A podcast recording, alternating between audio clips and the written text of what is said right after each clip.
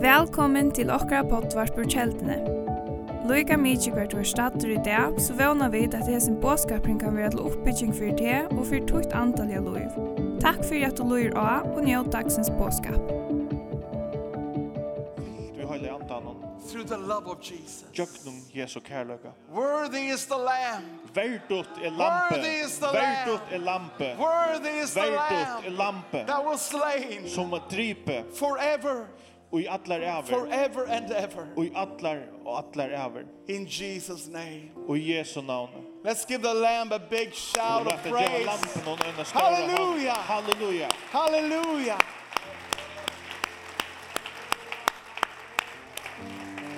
Amen. Amen. You may give someone a Holy Spirit high Du five kan gjøre omkron og heilig andans high five and be seated. og gjøre så vel og sette det.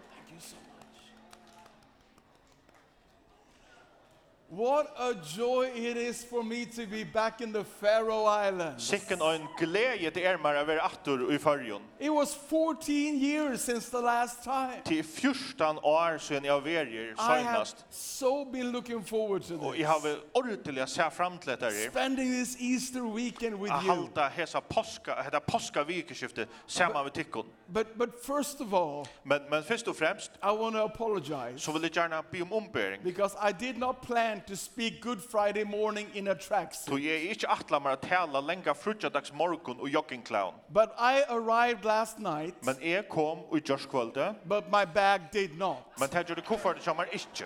So uh, young people, Så tid unge I'm mennesker, not making a fashion statement. hette het ikke så møta statement som er en niger her. I would have had a jacket Jeg hei haft en jakka, if I had one, hvis jeg hei en jakka. but you'll just have to excuse me. Så men de må bare beri over ved meg. And if you don't excuse me, Og vet- hvis de ikke beri over meg, there's really nothing I can do så er about det ikke så that. jævlig nek som jeg får gjørst ved det.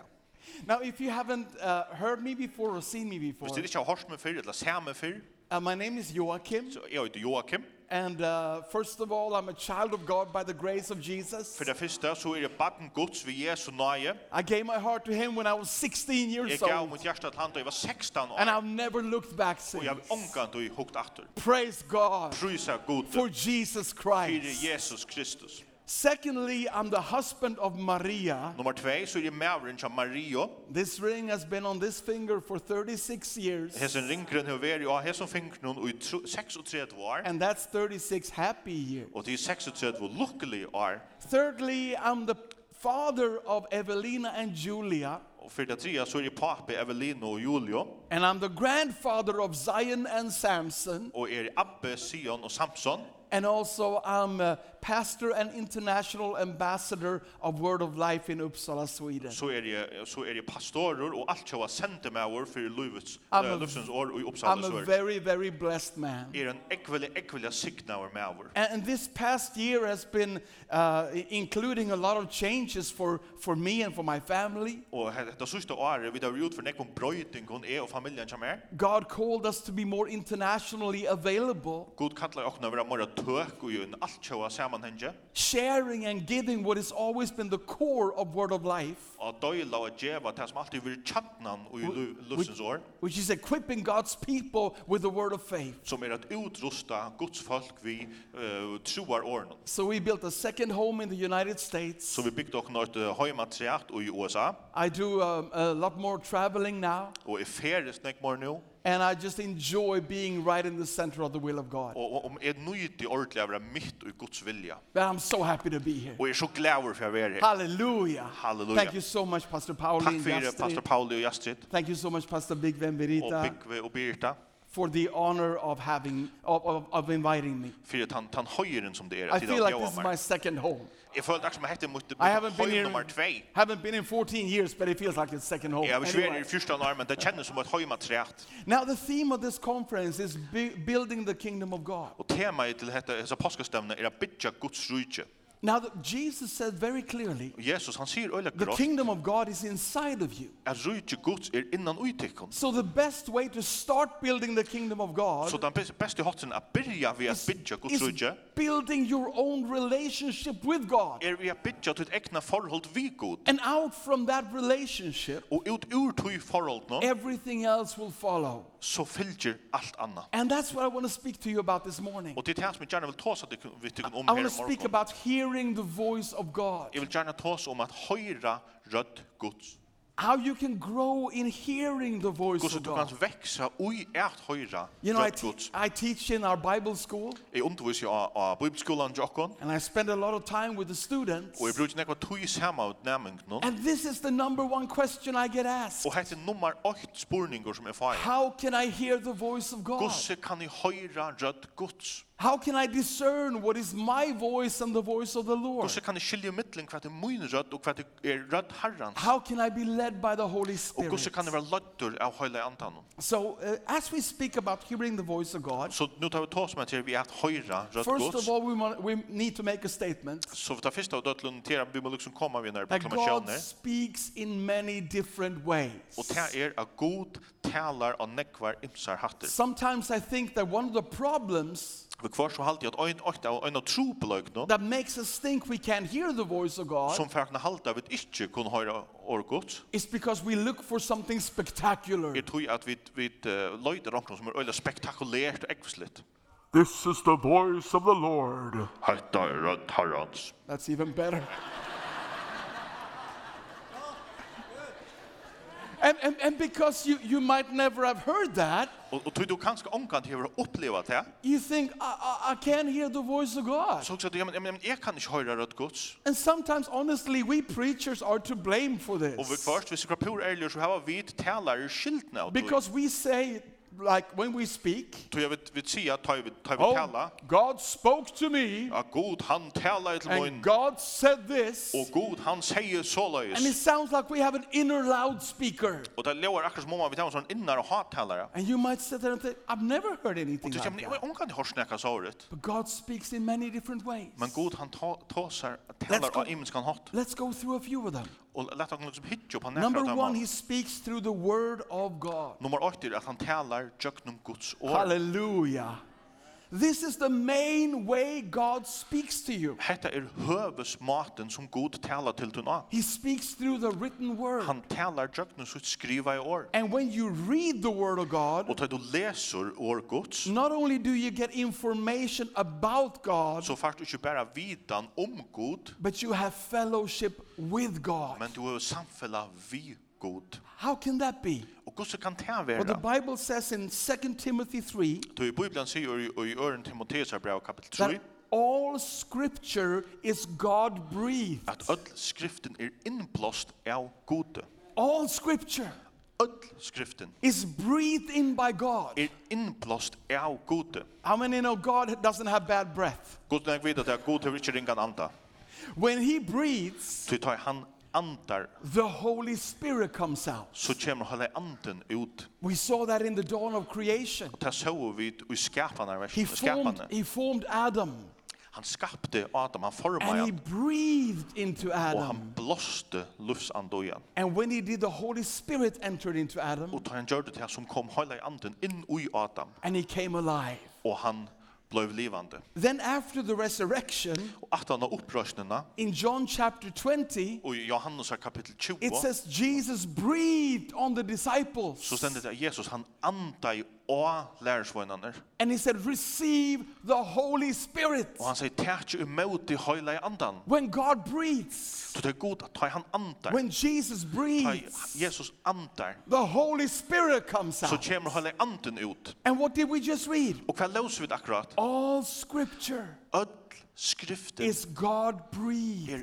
innblåst av gode. So when you read, Så tar du leser, not only do you get knowledge about who God så fært is, du ikke bare vitan om hver god er, but you have fellowship with Him men du har fellesskap vi through the honom, words. tjøknen årene, Because in the words, the Holy Spirit lives. årene bor høyla i anden. So never under, underestimate that. Så takk skal du omgang til undermett. God will speak to you through his written At word. god for at tala til du i jøknen som skriva God i will år. lead you through his Og written han for word. at loja til jøknen som skriva i år. Now, another way that God speaks Og en annan måte som god talar and leads og lojer is through godly traditions. er jøknen uh, god, uh, godlige eller andalige tradisjoner. Sometimes charismatic Christians are not that into the word Vi traditions. kvar så dama karismatisk tryggvand, ikke åre tradisjon. Tja, I'm not into traditions. Mer er damar ikke tradisjoner. I'm a free in the Holy Spirit. Er fralsor i høyla andan. Ramala sakala baladaba. But I respect that, Og det er jeg viring for tog, but I do hope men jeg vevner that samståndes you have some traditions in your life. at du har nekrar tradisjoner The uten å løyve. tradition of using deodorant daily, Ta tradisjoner som øyder å bruke deodorant dagliga, the tradition of brushing, brushing your teeth. ta tradisjoner som øyder å bosta tenn, If you don't, så hvis du ikke gjørs then I feel det, sorry for whoever's sitting next to you. så tar jeg sint ut tog som sitter ved søgner av der i morgen. A tradition is simply something that we do on a regular Og en basis. tradisjon er bare nekka som vi gjør regleliga. It's not good or bad in itself. Det er først godt eller ringt i seg sjolvun. It just means we're repeating something. Det mest er bare at vi endur teka And nekka. God will lead you and speak to you Og god han fyrir loja til og tala through til um tøyn, godly traditions, tjøknun andaler godelige tradisjoner, routines that you build into your life, venjer rutiner som du har byggt inn ut ut løy, like spending a little time with God every single morning, som til dømes å bruka løytsen og tøy saman med gode kvann morgon, like reading a little bit of, of the Bible every day, og å lesa løytsen til bøyblene kvann dag, and going to church every single Sunday. og affæra møte Hallelujah! kvann øynasta sånne dag.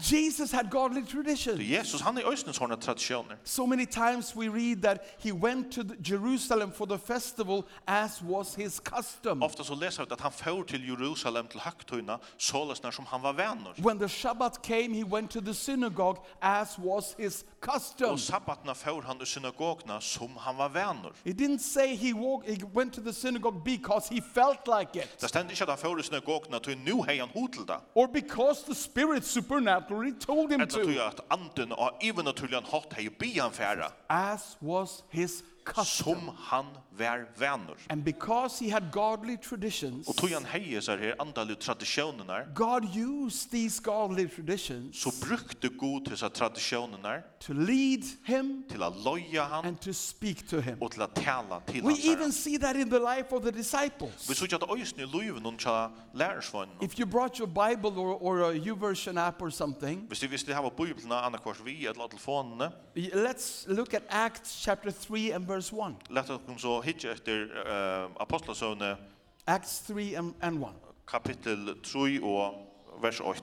Og det, And uh, please note, Acts chapter 2 legg, legg, legg, legg til merkes at is i the outpouring of the Spirit. kapittel 2 ver anden helter ut i Everybody starts lærersvannene, speaking in tongues. og alt byrja tale tungen. There's tongues of fire. Og her er eldur, eldtunker, 3,000 people are being saved at the same time. 3000 mennesker blir frelst samstundes. A beautiful supernatural manifestation Og en fantastisk og even naturlig manifestering of the power of the Holy av Spirit. kraft høyla andans. Still, Men in allikevel, the very next chapter, og i det nasta The kapitlet, very first verse, Ta fyrsta verset. it says, One day Peter and John were going up to the temple at the time of prayer at three in the Her afternoon. stender Peter Johannes tar for nian i tempelet til bønarstundene, tann nudgjenda tøyman.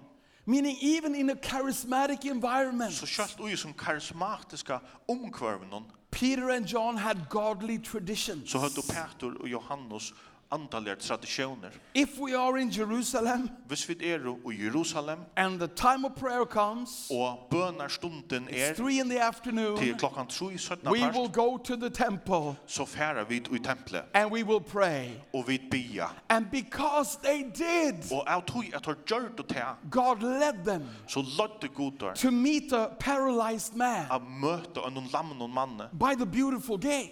Vi hesa et apostel som And heter this man is healed.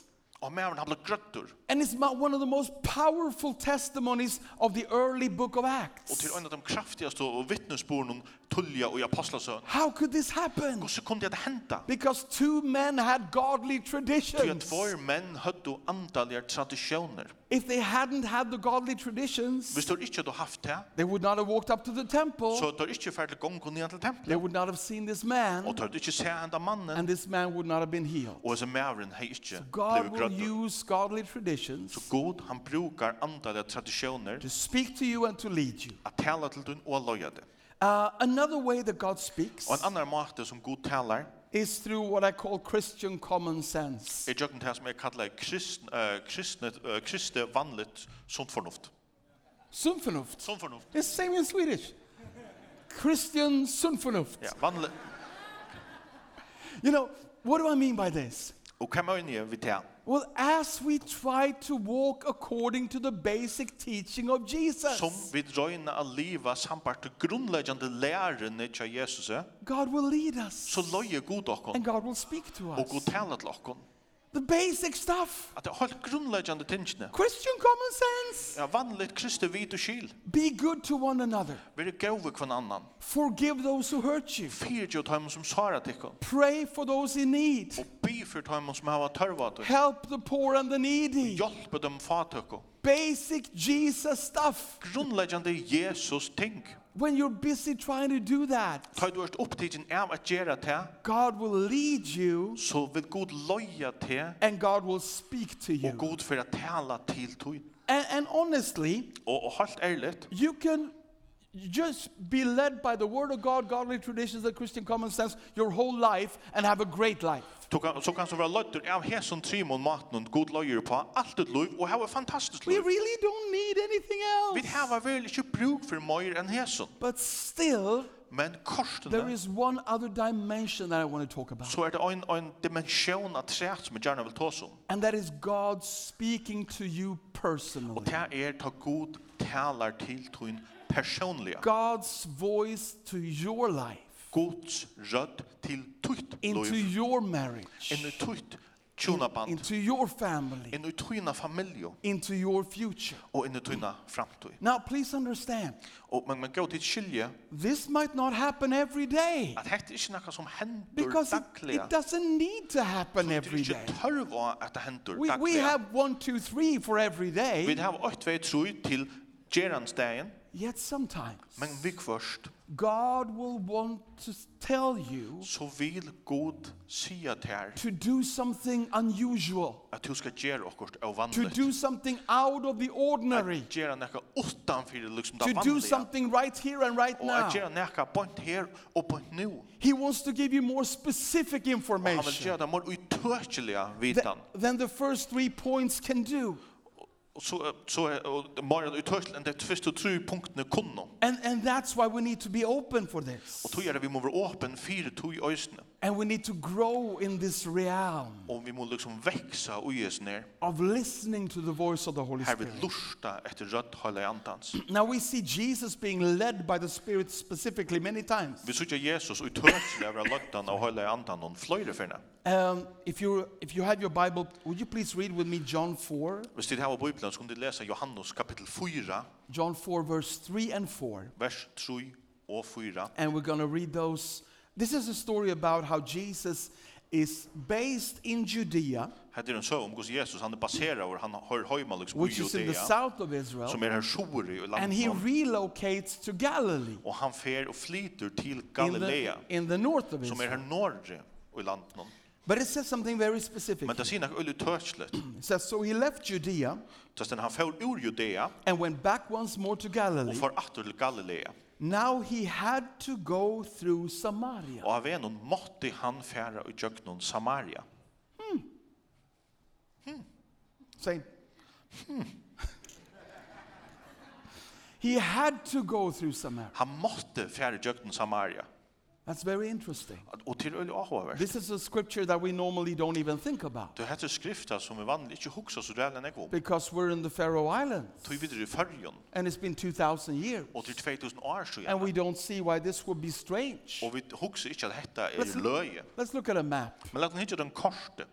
So you see, this is basically Israel back in Jesus' days. Det sier hette her i Israel av av Jesus er døven. So we know from scripture that Jesus is now in Judea Og vi vet i skriften at han er i Judea, and he's, wa- he wants to go to Galilee. og han vil gjerne fære til Galilea. Now, the shortest route Og den stidste veveren av would be færa to go through Samaria.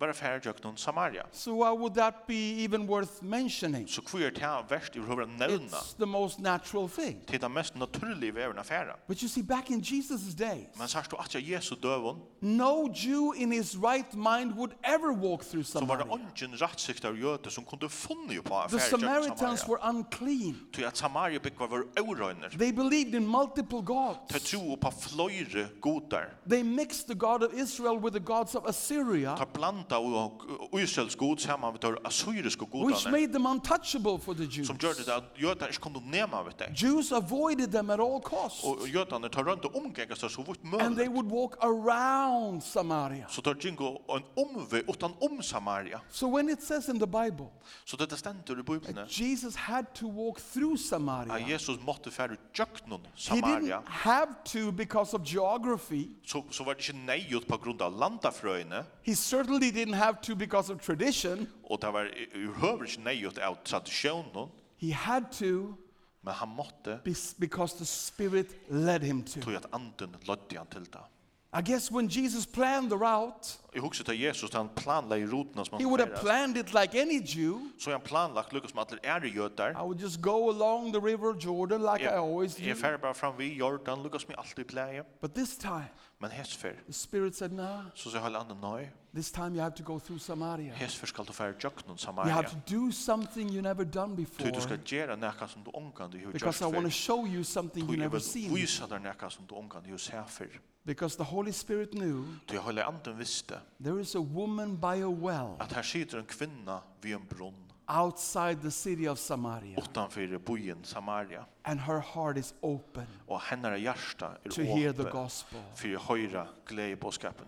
Hallelujah. And because Jesus heard, Och till Jesus han hörde A whole city came to faith in the gospel. kom en høyler bojur til trygg av That's the evangeliet. power of hearing the voice of Hatt i God. kraften og i høyra rødt gods. A- And this is not just the Bible. Og er det heter ikke bare i Bibelene. I've seen this happen so many times Jeg vil si at det hender så ofta. in my life, Og i min løyve, in the life of our church. og i løyvene til samkomne til okken, Maybe one of the most spectacular moments kanskje en av de mest fantastiske løtene. was back in the eight, 1980s. Hette var at i, i, i 1940-en, Word of Life was about maybe 500 members at the time. løsens år samkomne til okken er kanskje 500 limer. We were in the process of building our, our church building. Og vi var til tilgångene at bytja okkara samkomne bygning, And then the Holy Spirit spoke. og så tala i høyla anden to our founding pastor Ulf Ekman til okkara grunnla og pastoren som grundar samkomne, Ulf Ekman, and and the word was recognized as a word from the Lord Og, og det var Lublavi kjent som et år, år fra Herren, saying give 40 million corona som sier, «Gjev 40 millioner kroner into Soviet Union inn til Sovjetsamveldet, because the walls are going to fall tog jeg murene tar færa fatla, and Soviet Union is going to open up og, s- og Sovjetsamveldet færa lett opp». this was a crazy word Det var pura svaglet år. we were building a church Vi building var holdt ved bytja en samkombygning, people were already giving og folk til gode.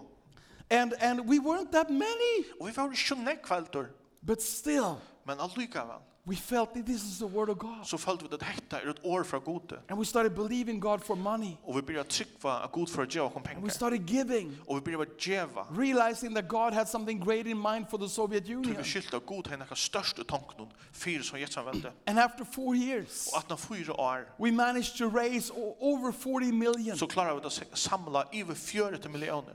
and the walls came down, Och murarna tar fotla. and Soviet Union opened up, Och så jättesamväldet lät upp. and we were ready for it Och vi var klar. because God had spoken about Ty it jag god han är tala om det. years in advance, Flöjde år framan undan. and we could flood the Soviet Union Och vi kunde bara öjsa in i så jättesamväldet. with video cassette players. Anyone remember Vi såg några kassettband. Och när den här video minns det. cassette players? Videokassettband. I told this story uh, recently with a young interpreter. Jag fortalte dessa sövna för uh, korsen när vi var någon He ung had tolke. no idea what I was Han talking är inte about. peiling av vad det då säger. Anyway, and and you know, A- And we saw uh, something beautiful start to Og happen vi så noe fantastisk som begynte å hente. that is now turned to this movement of hundreds of Som nå er churches blitt en rørsla og av flere hundra samkommer. that are led by Pastor Matsola and Randy, Som Mats Åle og Randi er løyere for. and hundreds of pastors all over Russia. Og flere hundra pastorer om alt But Russland. everything started with a word from the Lord. Men alt begynte vi noen åre fra herren. Everything started with a sentence from Alt God. begynte vi noen setning fra gode. It's so important Det er så områdende. that we listen to the word of At vi God, lust etter Guds åre. that we have godly traditions, At vi har godlige tradisjoner. that we follow Christian common sense, Og fylgja kristnum vidt og skile. but also allow God's word to speak to us individually. Men at vi øyne løyva Guds åre at tala til okkon hver skjer. So, how can we do this? Så hvordan kunne vi gjøre det? How can we grow in så kommer hearing vi- the voice of God? Veksa og at høyra Let me rød- gi- rød Guds. Let me give you three advices Let me gjøre det kun tru råd. because we cannot have a sermon without three Tui points. vi kunne That's, ikke hava en tala that- utan tru punkter. that- Det er that's, liksom. that's not going to nei, happen. det er- det er Right, forstyrret. Okay. So, three Så advices tru punkt tru råd. on how you can grow Hvordan du kan veksa in hearing the voice of og God. høyra rød Number, Guds. point number one Punkt 8. relax. Slapp av. Not too hard. Ikke slapp av fornig, men slapp av. Honestly, when I counsel Christians, Og helt ærligt, ta i råd til kristnum. when I speak to young people Ta seg vi ung mennesker. who want to hear the voice of Og God, ikke høyra sometimes this is the greatest need. så er dette ofte den største tørveren. Don't cramp. Laverer vi liksom å bli krampaktiger. God, I want to hear your voice. Kunne du gjerne høre at den er rett? Imagine if I would talk to my wife like that. Sittlet det kan vi se ta seg av konen kommer og handler om maten. Maria, Maria! I love you so much. Rett du deg! Speak to me. Tala til munn! She would say, You need to go to the Og toilet. han sagt, du har bruk for fra ves. Relax. Slapp av. The Holy Spirit is not far away in the universe, Høyre anden er ikke lengt vekk ut i universen noenstans. He lives inside of you. Han bor innan ui okkon. Don't cramp. Lavera vi vera krampaktig. Relax. Slapp av. And don't fear. Og lavera vi øytast. What if God has already spoken to me Hva nu er så god lang og heve tala? and I haven't heard him Og i- ikke har vi hørt han. and now I missed him Og nå- nå er det liksom, jeg har ikke finnes det. and now I'm out of the will of God? Og nå er jeg utenfor Guds vilja. My friend, God is bigger than Men that. kære vinner, Gud er større God enn is stronger than Han er that. sterkare enn God is det. better Han than er that. betre enn And det. there's no fear in love. Og til ungen øyte og kærløkka. Relax. Slapp av. I want us to read a beautiful story Jeg vil gjerne hava vi lese en ulla from 1 Samuel chapter 3. Så fra 1. Samuels bok kapitel 3. And this is a story about a young boy called Samuel. Og heter en søv om en unga drong som heter And the Samuel. very first time he heard the voice of God. Og allar fyrst og fyrir han hørte. Let's ordet read the Guds. first four verses Ja. of 1 Samuel chapter 3. 1. Samuel kapitel 3 vers 8. Så gjør det nå drongren Samuel tjenest og for herren under Eli. År herrens var kjølsamt av tøymen døven, og sjøner var fåar. Så var det en dagen med en Eli la og svev, her som han var venner av Lidja. Ei og hans er var nå fær, så færen at han sa ikke. Og lampa Guds var enn ikke sløkna. Samuel lå og svev i halvdje dem i herrens, her som ørsk Guds stå. Ta røpte herren av Samuel, og han sværer, ja, her er jeg. Han skundar seg så til Eli og sier, «Her er jeg, du røpte meg!» Men han sverer, «Jeg har ikke røpte, fær best atter og legte!» Så får han atter og leie seg. Yeah. I love this story so much Jeg elsker Jesus søvn og sånn jeg. because it's so relaxed. Så hun er så avslappa. Samuel is just lying sleeping. Samuel, han ligger bare svever.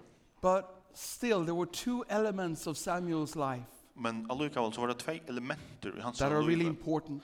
som er øyelige tøtninger med til. He was at the right place Nummer 8, han var av de rette stenen, and he was doing the right thing. og han gjør det til rette. The only thing we know about Samuel at this point, Det eneste som vi vet om han, he was in the temple, um var at han var i tempelen, and in the temple, he was serving God. og i tempelen her tante han gode. Hear, hear, people of God. Høyre med, høyre med, If you want God to speak to you, Hvis du ønsker at Gud skal tale til tøyen, make sure you're in the right place. så sørg for å være av de rette stedene. What is the present day temple? Hvert er tempelet nå av døven It's the church of the living God. til å samkomme i hans livande gods. Make sure you're right in the middle of your church, Sørg for at du er her midt i samkommet til her, right in the middle of your fellowship, i tøyne fellesskapet. right in the middle of the people that God has placed around Mitt i you. middelen til falskene som god til å sett rundt om det. And in the temple, what did he do? Og i tempelen, hva gjør det han? He says he was ministering before the Lord. Det stender at han tante for Asjan Harans. Don't be a spectator in your church. La være vi bare være en avskåer i denne Be a samkommet. servant. Vær en tænare. Be a servant of God. Vær en tænare Be a Guds. servant of other people. Vær en tænare for andre Make sure you're mennesker. in the right place doing the right thing. Trykk at du er det rette sted, og at du gjør det rette. And if you are, Og hvis du er det, God will speak to you in the right så time. er god at tale til tøyen og rette tøyen.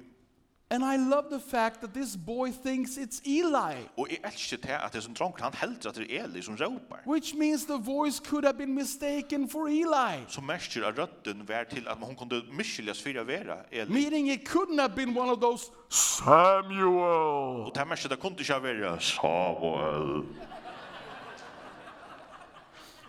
because Samuel would have known Til Samuel, han er jo vita Eli does not sound like that. at Eli lever altså ikke så løs. It was a natural voice. Til en er naturlig rødd It could be mistaken for another human being. som kunne miskyldes for å være et annet And menneske. actually, many times when God speaks to Og you, faktisk ofte at god taler til tøyen, his voice can be mistaken for another human being, så kan man takke feil av rødden og halde til et annet menneske. namely you. Til dømes to sjolver. You will never know 100% that is God To speaking for to you. ångan jeg vita 100% at det er god som taler. Because the kingdom of God doesn't work that way. Til så fungerer rydde gods ikke. We're called to live in faith and not by Vi sight. det kallar det liva i trygg og ikke So av you du will suttja. feel that voice. Så du får at kjenne disse røttene. You will ha have that new thought. Du får at få disse nudge tankene. But you are the one who needs to choose to add faith Men til to som må velge å legge tunne trygg at treates ned. and take the risk Og at teka til risikoene. and dare to believe this is not you. Og tåre at trygg at dette er ikke to. This is actually God speaking. Dette er faktisk god som taler. But it's much more relaxed than you think. Men er til mer avslapp enn du heldur. Honestly. Helt ærligt. What was that? Helt ærligt. How's that? Helt ærligt. Helt ærligt. Yeah, that. Honestly, Helt ærligt. I, I need to learn that word. I like that word. M- Most times where I've been led by the Spirit of God, Og de fleste togene tar er blitt løtter av Guds anda, I didn't even know I was being led by the Spirit of God. så visste jeg faktisk en gang av at jeg ble løtter av Guds anda.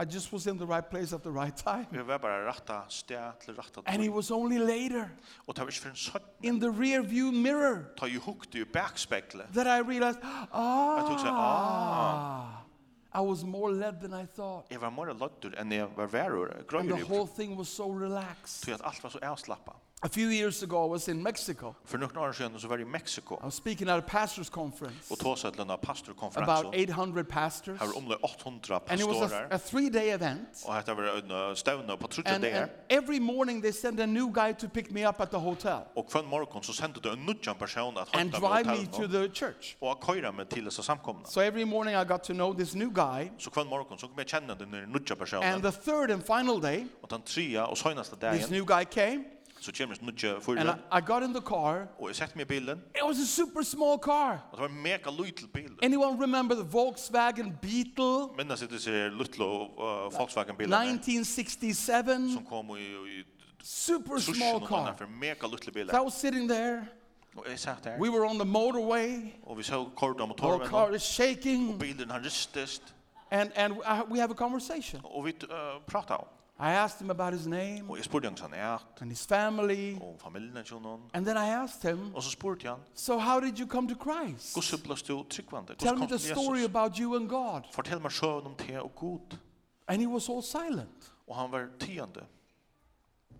And then he said, Actually, Men så sier han faktisk, my life with God is not where it should be. så er mitt liv sammen med god, det er ikke ordentlig her som det burde være. So I asked him, "W- w- Well, wh- what happened? Jeg sier, hva kan hente? And he started telling me the story of his life. Og han begynte å fortelle meg sjøen om And as he um sitt liv. told, he started crying. Og medan han fortalte, så blir han å gråta. He said, ha- shared how he, would, he, he was on fire for God when he was a young boy. Han fortalte at han brann for god da han var en unger. But in his teenage years, Men da han ble teenager, he made some bad decisions, så gjør han noen skøyvalg, some negative life choices, noen negative uh, livsvalg, and he slipped away from Jesus. og han gløy borster fra And now he Jesus. was convinced that God was angry with him. Og nå var han samført om at Gud var ytler vi ham, God was disappointed. og at Gud var skuffet over.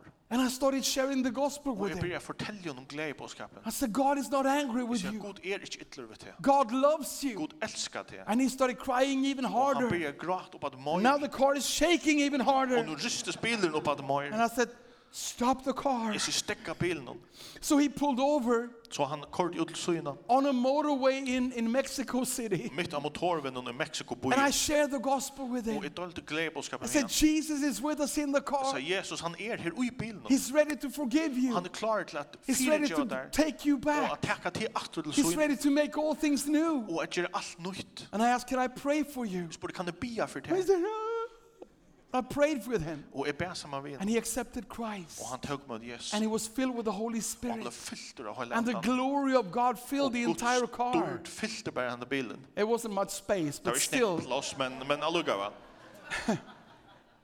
And, and then, but then, you know, time started passing. Men, men tøyen, hun blir genka. And I told him that "Uh, this was amazing, Jeg sier, dette var fantastisk. but we're really going to be late. Men vi får ordentlig være forsøgner nå. So we need to go to the church right now. Så vi må være sammen på punkt nå. And he looked at me Han hukte et mer. and he said, We're han säger- going to the airport. Han sier, vi får til flåa, ut av flåvetlen. And I said, No. Jeg sier, nei. Oh, no, that's tomorrow. Nei, nei, nei, til morgen. No, no, it's- there's one more Nei, nei, day. til en dag var etter. What, do you need to take me to church? Du må kare meg i samkomne. They're waiting Og der already. tar boja langt etter meg. He looked at me, Og han hukte et mer. and there was an awkward silence. Og det var en sånn obeheilig tøgn. And then he said Og så sier han, something I will never forget for the nekka rest som of my life. omgang for å gløyma resten av løvnen. He said, Og han sier, You are Mr. Williams, aren't you? altså, to øyder herra Williams, kjørst du ikke?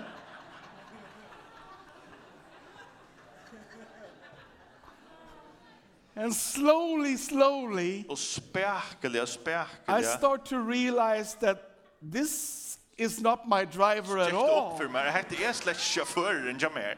Turned out he was an Uber taxi Det driver visste jeg, han kørte taxa for Uber. who went to the hotel to pick up a Mr. Williams Skulle jeg ha en herra Williams and drive eh? him to the Og airport. kare han ut av And flåvetlen. when, when he saw me, he assumed I was Mr. Og da han Williams. sa meg, så helt han at jeg var herra I Williams. assumed it was my driver, Jeg helt at han var sjåføren jeg and mer. everything was fine Og at alt var finnasle. until Mr. Williams Inntil herra Williams asked how about his relationship with God. spurte om hans forhold var god.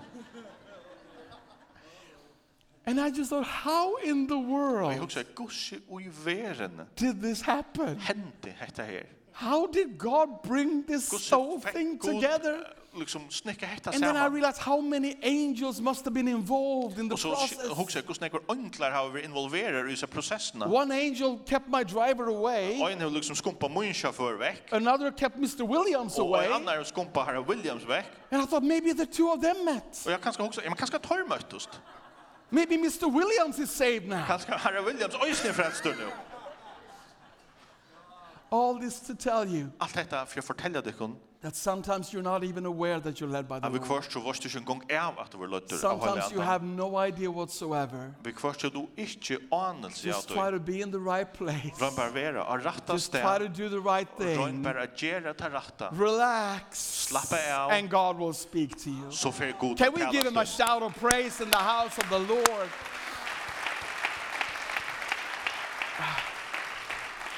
The second thing Ta nästa that we need to be aware of som vi må vara gröj över. in order for us to grow in hearing the voice of Ska vi God kunna växa och höra rött Guds. is respond. Till att geva attersvär. Respond. Geva ett attersvär. You see, now, when God speaks to us, Så det är god han talar till oss. i- it's not like to give us a spiritual massage. Så det er är inte för att geva oss liksom en sån andaliga vöttamöjning. It's not just to make us feel a bit Så better, vi skulle liksom känna oss bättre. but it's for us to do something, Men då är vi skulle gera for oss something to be done. till att ett eller annat ska It avrikas. says in 1 Samuel chapter 10 Det ser du i första Samuel kapitel 12 and verse 6 to 7. och vers 6 till 6. This is Samuel the prophet speaking to Saul the king. Hette er Samuel profeten som tåsar vid, vid Saul kongen. Och så ska jag gå och få det fram här. And he says something very interesting. og han sier nekka øyla åhåverst. Her stendur, Andi Herrans skal komme, ta komme ivet til, så du fært å profetere ønske tøyr over anna menneska. Ta du sært hese tekjene henta, kan så auratur gjera til og i fire fettlor, til god er vitt her. The Spirit of the Lord will come upon you. Andi Herrans skal fettle ivet til, And when this happens, og ta heta hentur, do whatever så kan du auratur gjera til your som hand fyrligger finds to til. do. Til som fyrligger til. The Spirit comes upon you Til anden han kommer ivet til, to get something done. tog at okkurs skal gjerast, So we need to respond. så vi må gjeva et We attesvær need to take a step of faith. og trakka ut ut sikv. If God speaks to us, Hvis er god tala til but we okkur, never respond, men vi ikke sværa attur, eventually He will stop speaking. så til endan så gjevst han bara. Let me just share a beautiful story from back home. Men fortelle deg noen en søv og heimann fra. I want to introduce this girl to you. Jeg vil gjerne presentere deg for disse jenten her. Her name is Annika. Hon heter Annika. And uh, if, you, if you look at her eyes, you see that one of them looks a bit different. Hvis det hittet egen noen, så sier jeg at dette øyna ser sin ørvesen i ut. Annika is blind on that eye. Hon er blind i hessen egen. And on the other one, Og i hinn egen, she can only see about 15% of normal capacity. så ser hun omløy 15% av vanligere sjøen. On top of that, Annika is deaf on one ear. Og man ata høyla, så er hun deiv og i øren And on the øyren. other, she has only about 15% hearing Og i capacity. hinn øyren høyrer hun bare So, cirka medically 15%. speaking, Så om vi tåsa medisinsk, Annika is almost blind and almost deaf. så er hun nastan blind og hun er nastan deiv. But Annika loves Jesus Men Annika, hon elskar Jesus. with all of her heart. Vi ödlon som hjärsta. And when she was 14 Og years ta hon var old, 14 år gammal. this was in, uh, uh, in the month of November, Hetta var i november a few years back, för några år sedan. she was praying Så ber hon.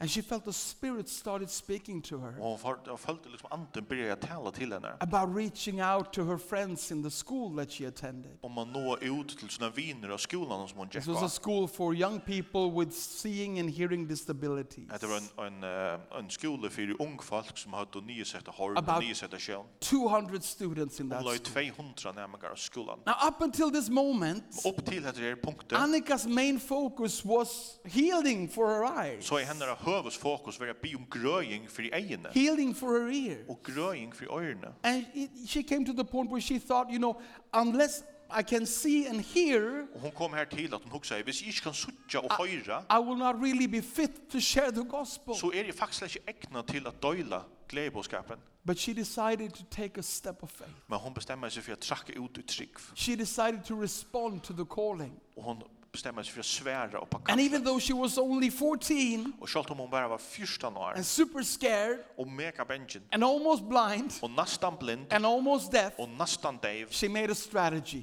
så lejer hon en atlan. She decided on Valentine's Day, Hon atlan sig av valentinsdagen. I'm going to use that as an excuse to share the gospel. Så för jag brukar det här som en omkyldning till att döjla glädjebåskapen. So she got a list of all the students' names in her school. Så hon fick en lista över nödvändiga och ödlån läsande av skolan. Och And then she cut out 200 paper hearts. så klippte hon ut 200 papyrjörstå. And she wrote the names of every student on one side of the heart. og hon skriva i navnet til åtta nærmengun at øynene søgna. And then three months before Valentine, Og trutja manar åren valentines dag, she picks up the first heart. så tek hon det fyrsta hjarta She reads the student name. og leser navnet, And she says, Holy Spirit, og hon sier, Høyla ante, what do you want to say to him? hva er ikke du å sia vi han? What do you want to say to him? Hva er ikke du å sia vi han? And then she sat in the presence of God, Og så sært hon her i Guds nærvero worshiped og Jesus, tilbe Jesus tried to listen in her heart. og runde lusta i hjartan hon. And she prayed until she got a word Og hon from the be Lord. til hon fekk et år fra herran.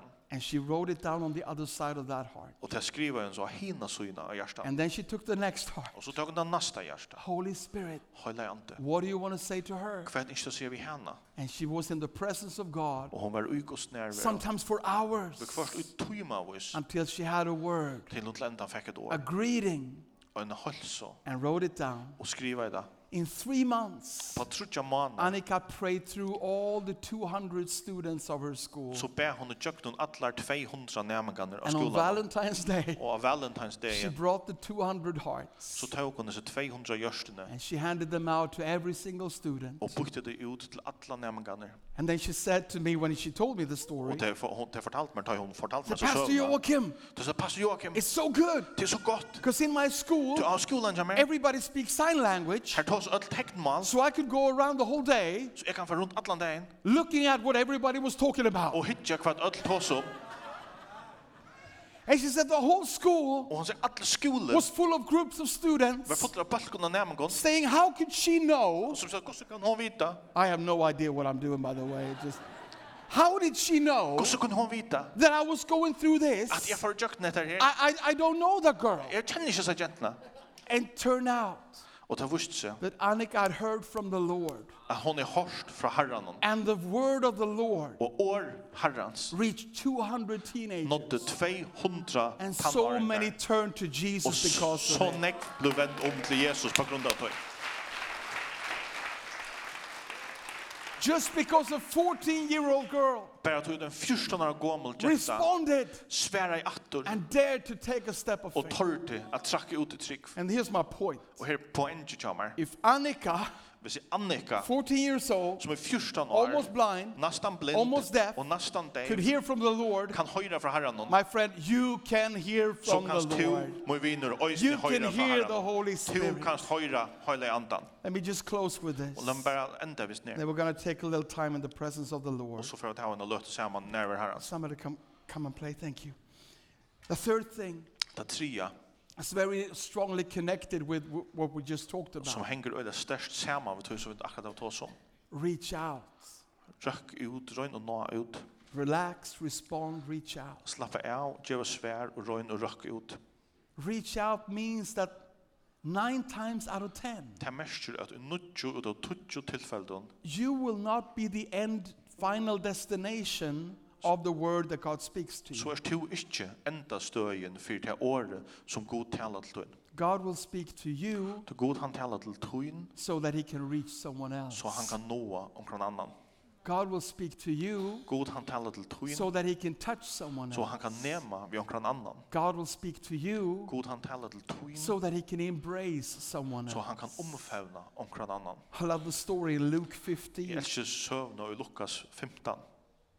says, oh, suppose a woman has 10 silver Det coins sier det forstilt at en, ko- en ko- kvinna hever tutjo silver and loses one. og misser øyn. Doesn't she light a lamp, Tendrar hun ikke ljøse, sweep the house, and f- carefully searches until she og finds it? feier og ruttar i öllun husen og løytar til hun finner krona som hun ma- mister. We know that the woman of this story Vi vet at enda kvinnan i søvne is God, til god, and the lost coin og den borstumiste mynten is a lost soul er en borstumist sal that he tries to find. som han røyner å finna. But the lamp of the story, Men lampan og i søvne that's you and me, til er jo to. the lamp that he lights. Lampan som han tendrar. He will give you the fire of the Holy Han får Spirit. djeva til høylig He andans will give eld you the presence of the og Holy at Spirit. djeva til nerver høylig andans So he can take you in his hand så han kan teka til usynne hånd and he can search for that lost coin og løyta etter du borste mynst even more myntene effectively.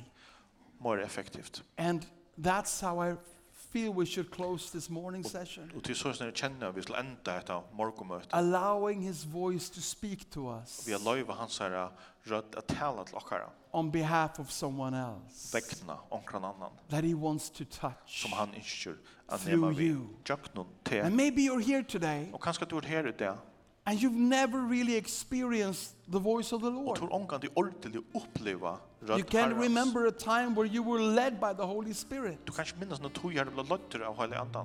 Maybe this is going to be your first time Kanskje hetta være første fyr. because the Spirit is here. Til anden han er her. I can feel His presence Jeg right kjenner now. han som nærvær og mest kjenner. So let's respond. Så let hon djeva et atte svær. Let's relax Let hon slappe av and let's make up our minds og at bestemme hon. Sett hon that we will fyre reach out. at vi fer at Let's stand up. rødt Let's ut. stand up in His presence. Let hon standa opp i hans nærvær. And I would like you to Og jeg vil gjerne hava at just where you stand, bare her som du stendur if you would just close your eyes for a little Og du bare while. litt egen i atrun og løta. There's nothing magical about closing your eyes, Det er ikke gantor vi tog å lukka egne. but it helps. Men det hjelper. It helps get your focus off me Det hjelper å flyta fokuset bort fra and meg. focus on yourself and on Jesus. Og å fokusere på det sjølva og på Jesus. Holy Spirit, Heilig ande. I pray for this wonderful group of people, Jeg byr for sin fantastiska bulten av menneskjon. every single one of them loved by you, Hver ønstekker, elskar av er tær. with the Spirit living inside of them. Vi heilig andan og byggvand i uthøym. From the young ones, the teenagers, Fra Mm. the de unge children, og tannarengarnir, bøttnene, to the older ones. til de eldre. Thank you for dying on the cross Takk for at du døg av krossen, so we could come close to you så vi kunne tre nære tær, and we could hear your voice. og vi kunne høyre at hun er rødt. Thank you for moving in this place right now. Takk for at du gjørs nekka her, og her som steg i bort nå. Thank you for speaking to our heart. Og takk for at du taler til okra gjørster. Now, as you stand with your eyes closed, Så med at du så som stender her vid din egen nattlaten, I want you to do one specific thing. så har du gjørst åkt utørselig ting. I want you to start thinking about the people of your world. Jeg vil gjerne huksa at du huksar om de menneskene som er og utøynare vi er, utøynare daglig deg. Friends, Viner, neighbors, nabekvar, colleagues at work, eh, starresfelavar til arbeids, fellow students, uh, onnur lesande eller nærmengar du leser saman med, relatives. og familjelimmer. Just start to think about these people. Byrja bara hugsa om hese menneskene. People that you normally encounter here. Folk som du omgångs vid dagliga. And out of all these people Og ut av öllun hesen menneskene, whose name you know, som hvers navn du kjenner, I want you to just stop by one person. så vil jeg hava at du bara prøvstekka vi ein person. One person that needs Jesus. Ein personer som har tarva Jesus. Maybe one person that's never ever experienced Jesus. Kanskje en person som omkant har oppleva Jesus. Or maybe one, a person that used to follow Jesus but doesn't anymore. Etla en person som platja fylgjas vi Jesus, men ikke gjer det langer. Just think about one. Prøv hugsa um om ein. Sometimes we t- speak about changing the world, Og hver så tås av dem å um brøyta heimen, but the world starts with one. men heimen byrja vi øynen. I'll just give you a few seconds in the presence of God Bara gjør okkur nokkur sekund i Guds nærvaro. to just focus on one person. Han bara fokuserar på en person.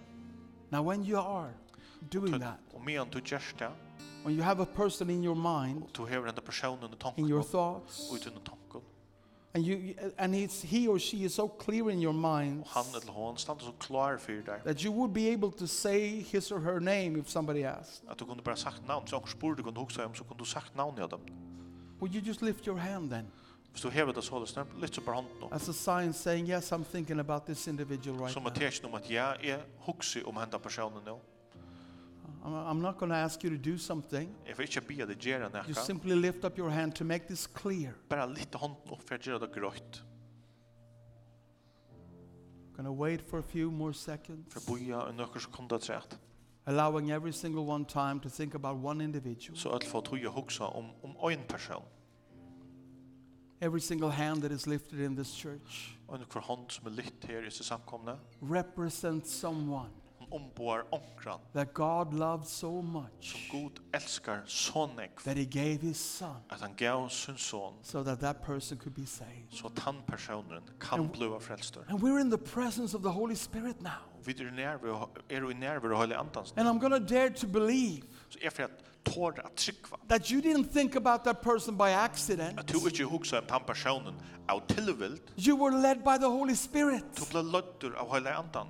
God wanted you to think about that God person. ängstig att du huxa om vikommand. Because maybe that person's heart is more open than you think it Du kanske är is. hjärtat av vikommand är mer åpen än du hellre det är. And what we're going to do right now Så det här som vi får göra på nu is we're going to respond. er vi for djevets We're going to attsvær take a step of faith, og taka et sti og trygg daring to believe og vi for tåra at tryggva that the Spirit led you to think about that at person. holde anden lødde til til å hugsa um om den personen And we're going to pray that th- God's will will be done og vi for bia om at um Guds vilje and His verur kingdom will come og at hans rujt kjemur in the life of that person.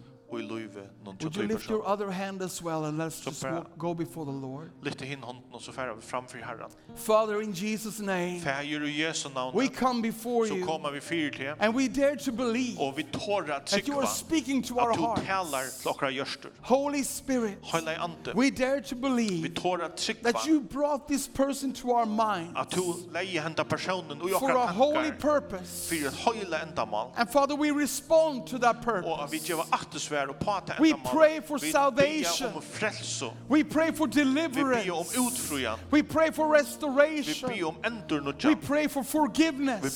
fyrirgjeving. We pray for Vi bia om healing. grøying. We pray that the grace of Vi God bia om at nøye would Guds fill this heart skal fylla henne Will hjärsta heal this og soul. grøa hessa salna and will restore this person. og skal endur røysa henne personen. And Lord, we say with the words of Isaiah, Og vi sier vi i årene til Jesaja, Here am I, her er i er, send me, send meg, I will respond, jeg skal gjøre I will ansvar, reach out. jeg skal røkke ut, And this upcoming week, og hese kommande vikene, I will make a phone call, så skal jeg rinja, I will pay a visit, etla vidja, I will send a text jeg skal message, senda en tekst, en eh, sms på, I will plant a seed. og øtla skal planta og fræ, And I dare to believe, Lord, og jeg tår jeg tryggva, Herre, that you spoke to me here at du taler til min her, because you are ready to save til du er til røyer at frelsa, and forgive og at fyrdjeva this person. hese personen.